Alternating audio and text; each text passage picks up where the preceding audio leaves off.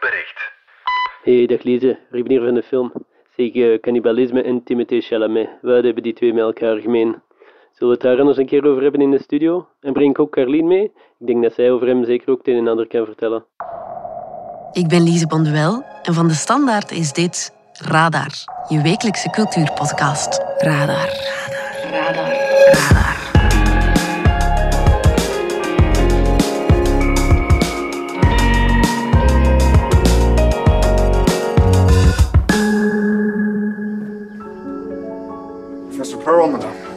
In 2017 werd de 22-jarige Timothée Chalamet plots wereldberoemd door de film Call Me By Your Name. Call me by your name and I'll call you by mine. Hij speelt de tiener Elio, die verliefd wordt op de oudere academicus Oliver, gespeeld door Army Hammer. Nu, vijf jaar later, is Chalamet niet meer weg te denken uit Hollywood. En acteert hij opnieuw in een film van de regisseur die hem wereldberoemd maakte, Luca Guadagnino. I smelt you. I didn't know I could do that. I thought I was the only one. I don't want to hurt anybody. Famous last words. Are there lots of us? I don't actually meet many others. Waarom we allemaal de Chalamanie te pakken hebben, ik spreek erover met modejournalist Carlien Bekkers en onze filmexpert Ruben Aarts. Welkom bij Radar. Radar. Radar. Radar. Ruben, Carlien, welkom. Hallo. Hallo? Ruben, jij bent naar de première in Venetië gegaan van Bones and All. Hoe was die film? Ja, dat klopt. Dat is een mooie film. Dat is ook een gevoelige film. Maar het is ook wel echt een schokkende film. Kan je er al iets over verklappen? Ja, het is eigenlijk een verhaal over twee kannibalen. En eh, ja, misschien moeten we er ook maar meteen bij zeggen. eh, in feite heeft Timothy Chalamet niet de hoofdrol. Het is eh, Taylor Russell die eigenlijk de hoofdrol speelt. Het is haar verhaal. Haar personage heet Maren. Ja. Dat is een tienermeisje. En we ontdekken helemaal aan het begin dat zij eigenlijk een cannibalistische natuur heeft. Het begint helemaal aan de film met de enkele vriendinnen, enkele klasgenoten met wie ze op een avond thuis voor tv hangt en ze lakken elkaars nagels. Ken, give me your hand. Try that. It's called copper fever. En een van die vriendinnen laat haar gelakte nagel aan haar zien. It's too orange. En op dat moment zet zij haar tanden in die vinger. Bijt ze door tot bloedens toe. Het bloed druipt echt op die t-shirt. Het meisje gilt en gilt, maar ze, ze, ze lost niet. En ja, ze zet het op een spurten naar huis. Haar vader ziet daar in de deur staan, bebloed t-shirt en hij weet hoe laat het is. You didn't. En dan merk je, ze hebben dit nogal moeten doen. In the car in three minutes. Whatever you can take in three minutes. Go! zij voelt die drang om mensenvlees te eten. En dan moet zij telkens eh, vluchten, weer verhuizen, hun leven opnieuw beginnen. Move, Mary. When the cops get here, we have to be good and gone. Maar dan, ja, de vader heeft het eigenlijk gehad. En dan zegt van, ik ben weg, vanaf hier moet je het alleen doen. En dan begint haar hard. verhaal alleen. En vanaf dan kan je waarschijnlijk nog niet verder vertellen of je hebt de hele film verklapt. Ja, dan is ook de vraag natuurlijk, wanneer komt Timothée Chalamet erin? Ja, Na een minuut of twintig geloof ik dat hij... met de timer Ja, naast dat, hij hem. er, dat hij er pas in komt. Eh, hij is iemand die zij onderweg tegenkomt. En daar ontdekken ze eigenlijk dat hij ook diezelfde natuur heeft. Hij herkent Aha. dat bij haar. What was it like? A rush. You can feel every blood vessel like spider webbing through me. Felt like some kind of weird new superhero. Horrorfilm dus eigenlijk. Ja, zeker wel. Ja. Ook, het is eigenlijk een beetje van alles. Het is een, een roadmovie. Ze trekken er met twee op uit. Daar gaat het verhaal over. Het gaat ook over de romance die tussen hen groeit. Ja. Maar het gaat ook inderdaad over het feit dat ze af en toe met een honger zitten die dat ze moeten stillen. Die niet gestild wordt. Voilà. Nu, eh, Luca Guadagnino is ook de regisseur van Call Me By Your Name, de film waarmee Timothy Chalamet wereldberoemd is geworden. En die film, dat was echt een fenomeen, hè? Ja, dat klopt. Dat is een film van vijf jaar geleden. De Eh, persikscène. de persikscène, inderdaad. Als het over die film gaat, dan heeft iedereen het over die, die bewuste scène waarin dat, ja, Timothy Chalamet de, de liefde bedrijft met een perzik, eh, zal ik maar zeggen. There's a peach, and There's a- in life one has to explore sometimes. Right. And the exploration commences. Right, exactly. And so people have been mentioning this to you a Yeah, you, you say like, are you worried? I'm worried like 50 years from now I'll be like signing pe- peaches behind a desk.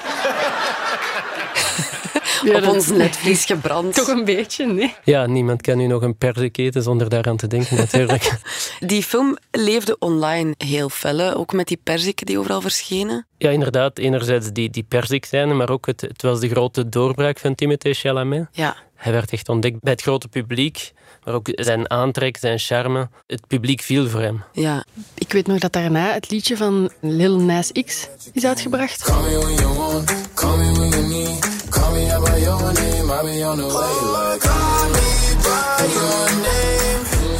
Dat ook referentie is naar die film. Dus het was echt wel, ehm, ook voor de LGBTQI gemeenschap, was dat wel echt een film die dat openlijk seksualiteit tussen mensen van hetzelfde geslacht liet zien. En dat, was, dat werd wel heel positief onthaald.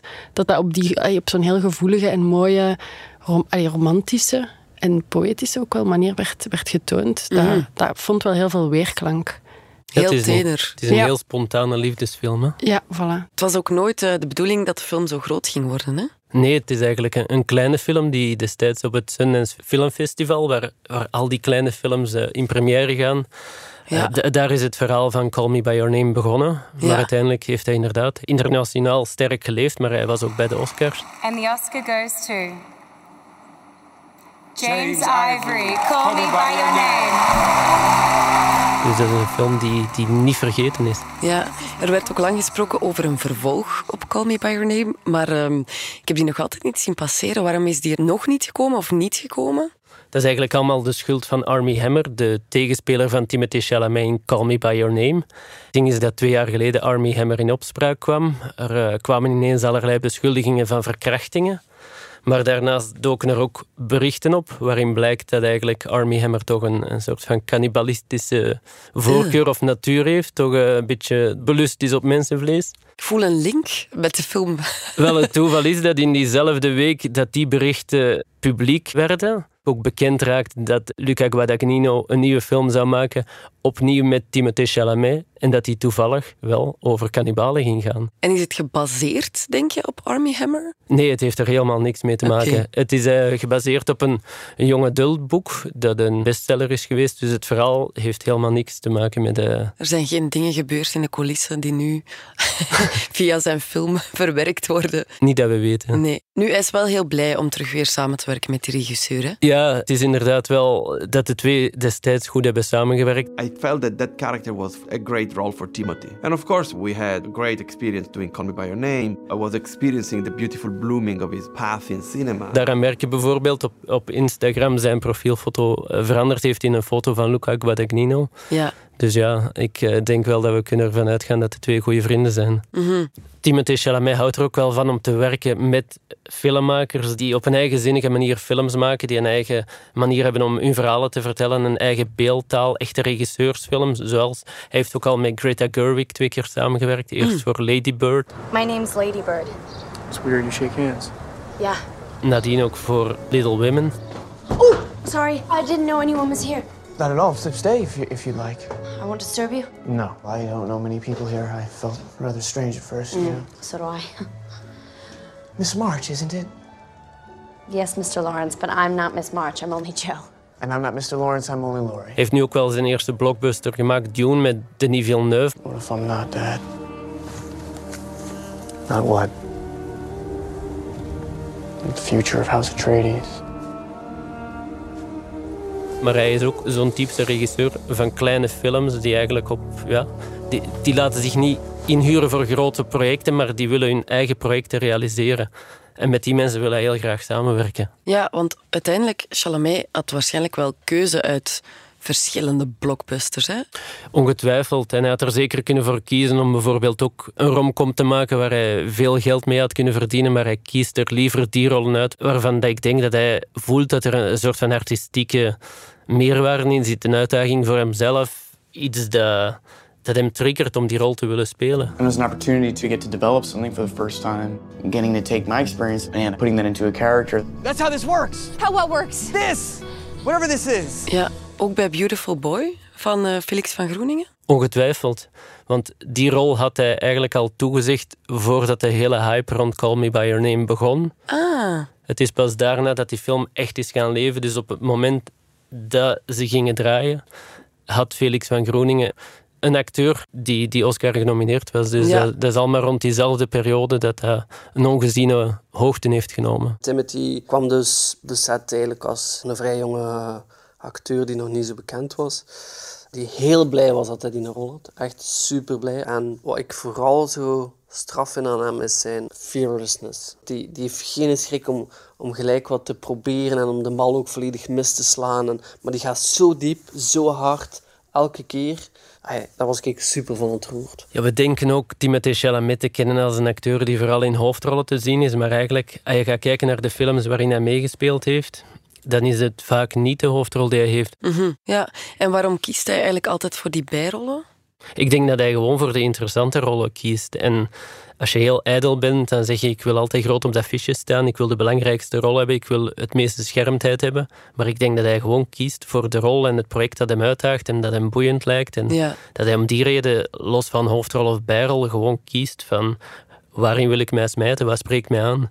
Ja. Bij veel jonge acteurs is het natuurlijk ook zo dat ze bekend worden door één project dat commercieel heel sterk gaat leven. Een echte blockbuster, zoals Robert Pattinson overkwam met Twilight, met de Mhm. hele filmserie. En die pas daarna echt op zoek is moeten gaan naar filmprojecten om te bewijzen dat hij een goed acteur is. Ja. Terwijl het bij Chalamet eerder omgekeerd was. Hij is eigenlijk van die kleine films doorgegroeid en kan nu in een grote blockbuster zoals Dune meespelen. Een film die heel duur is, waar veel op het spel staat, maar waarin hij dan toch de hoofdrol kan krijgen. Ja. Wat ik wel opvallend vind, is dat ondanks het feit dat hij vaak die bijrollen heeft, dat hij toch degene is die dat dan op de rode loper bijvoorbeeld, valt dat heel erg op. Hoofdrol of bijrol. Het is Timothée Chalamet die dat iedereen heeft gefotografeerd. Hè, de laatste keer in Ja. Venetië op het filmfestival. Si apre la portiera dell'auto da cui scende Timothée Chalamet. En dat is echt wel heel uitzonderlijk. Had hij een rood pak aan van Heider Akkerman. En ehm, had een hele open rug.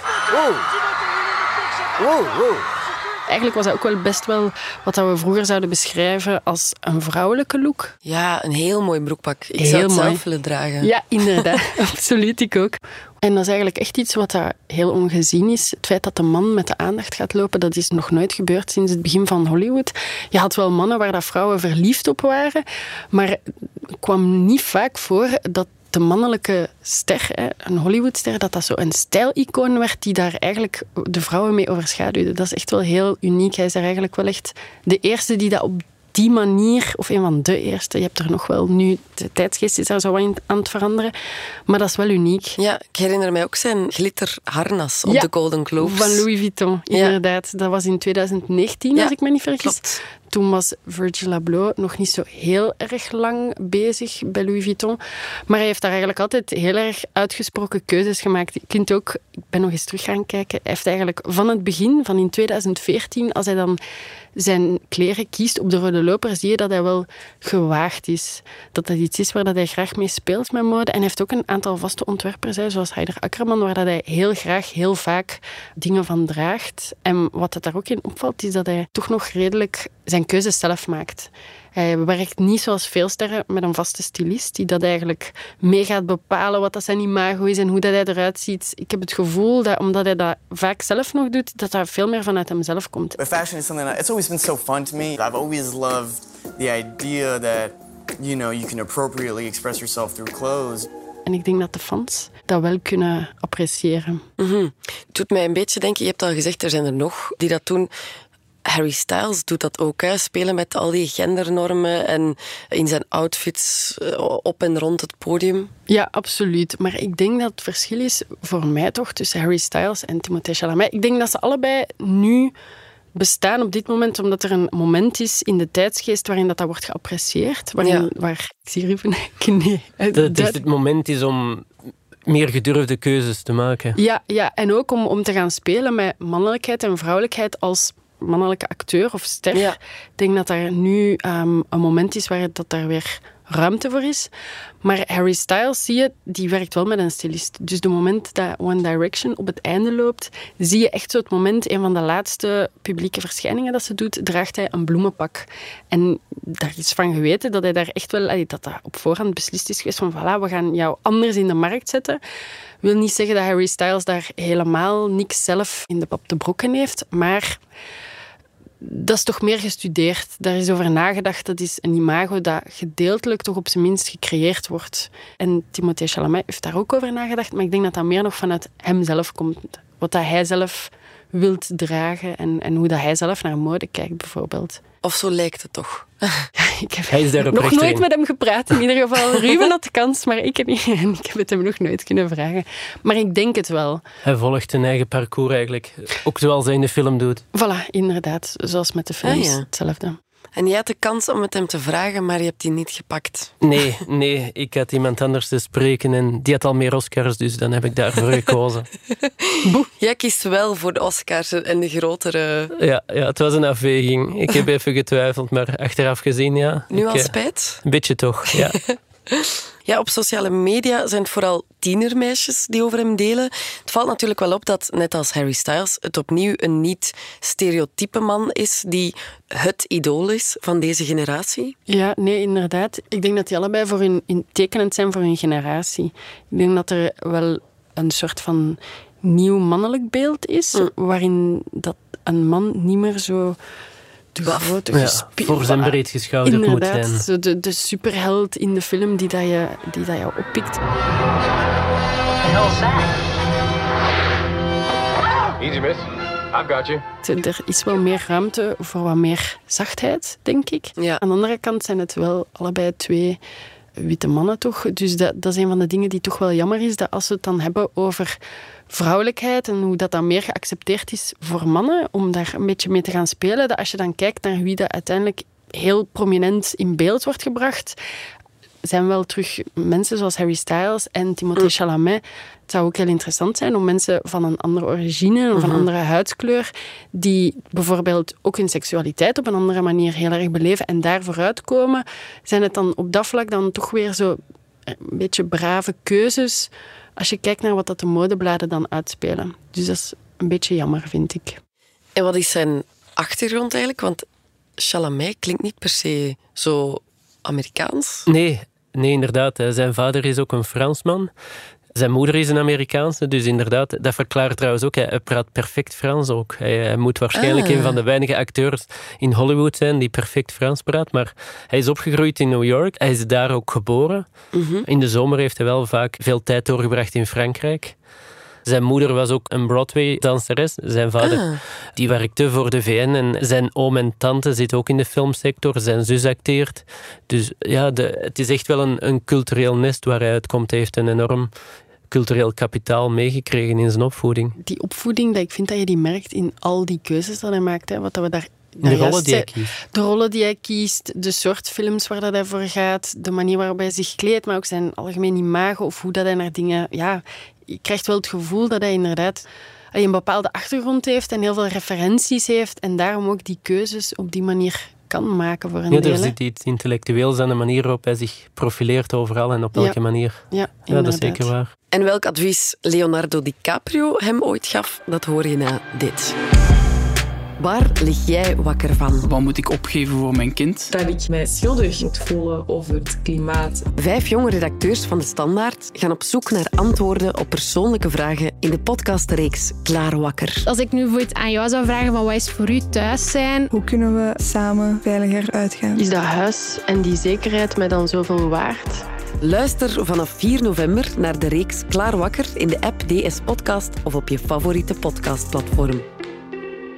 Terug naar Timothy Chalamet, de acteur van het moment.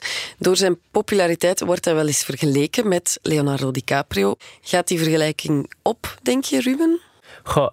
Als je kijkt naar de faam die DiCaprio op die leeftijd had.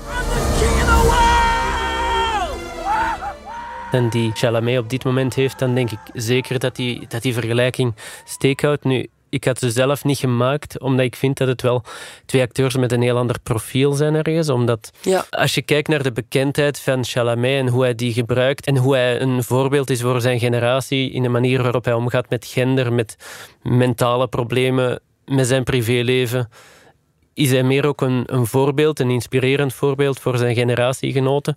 Terwijl Leonardo DiCaprio toch vooral een goede acteur was die Waar we verliefd op waren. En die ook razend beroemd was, maar verder toch niet echt een, een, een maatschappelijke rol had of, of, of een, een bepaalde voorbeeldrol wilde spelen. Ja, later wel, hè.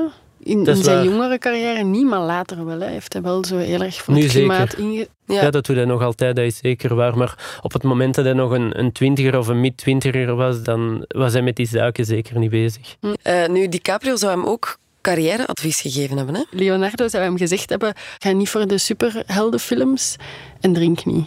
Als ik mij niet vergis, was dat. eh, Dat klinkt twee keer als een heel verstandig advies, denk ik. En Ja. zeker dat eh, ja, het probleem ook is met hele dure commerciële projecten, is dat je maar een tijdje in dat type projecten kan opduiken totdat jouw naam minder geld waard is en dat er weer andere nieuwe, jonge namen in jouw plaats komen. Dus als je dan op dat moment enkel kiest voor hetgeen dat het meeste geld oplevert, ja, dan is dat tijdelijk en dan gaan de mooie rollen ook niet blijven komen. Terwijl dat hij nu al van in het begin eigenlijk kiest voor de rollen die dat hem het meest aanspreken en waar ja, de, de grootste verdienste in zit voor hemzelf als acteur. Ja. Timothée Chalamet is ook iemand die heel veel aandacht eh, schenkt aan zijn fans. Dat was in Venetië goed te zien. Na de persconferentie stonden de fans allemaal buiten te wachten. En hij heeft heel veel tijd eh, voor hen gemaakt. In die zin zelfs dat Mark Rylance, die ook meespeelt in Bones en al, dat die al bij het bootje stond te wachten om teruggevoerd te worden naar het hotel. En die bleef daar maar wachten en wachten. En Timothée bleef zijn tijd maar nemen voor die fans om, ja, om foto's te maken, om handtekeningen uit te delen. Dus dat doet hij ook wel. Hij wil wel dat praatje maken. Hij neemt echt zijn tijd daarvoor om een belangrijke rol te spelen voor die generatiegenoten van hen. En om, om ook aanspreekbaar te zijn op een bepaalde manier. Is dat dan niet gewoon een PR-stunt? Misschien wel, dat weten we niet zeker. Maar je moet het kunnen volhouden natuurlijk. Je moet niet, iedereen kan vroeg of laat betrapt worden op een uitschuiver. Maar Mm. bij hem, voor zover ik weet, eh, hebben we hem daar nog nooit kunnen op betrappen. Maar we hebben hem sowieso niet op veel kunnen betrappen, want hij is eigenlijk redelijk privé. We weten niet zo heel veel van zijn liefdesleven bijvoorbeeld. Nu, moet dat altijd best raar, dat kun je je afvragen. Maar het is wel zo dat hij daar eigenlijk redelijk ehm, dat allemaal wel voor zich houdt over het algemeen. Hè? We weten wel dat hij samen is geweest met Lily Rose Depp. Ja. Dat is inderdaad. Maar dat is een van de weinige dingen die we dan weten. En naast het feit dat we bijvoorbeeld niet veel weten over zijn privéleven, is het ook wel iemand die niet uitgesproken is over heel veel sociale thema's, over het algemeen. Hij houdt zich daar meestal redelijk ver vanaf, in tegenstelling tot heel wat andere sterren. Gebeurt dat eigenlijk amper. Ik weet één actie die hij heeft gedaan. Ehm, met Haider Akkerman toen heeft hij een pul ontworpen voor onderwijs voor, voor meisjes in Afghanistan, denk ik. Maar dat is heel Mhm. uitzonderlijk. En ook Maar dat wist ik zelfs niet. Ah, hij heeft dat zelfs niet heel erg groot bekendgemaakt. Dat is de enige keer. En voor de rest heb ik eigenlijk geen weet. Hij, hij doet dat niet zoveel als veel andere sterren die wel heel uitgesproken zijn voor...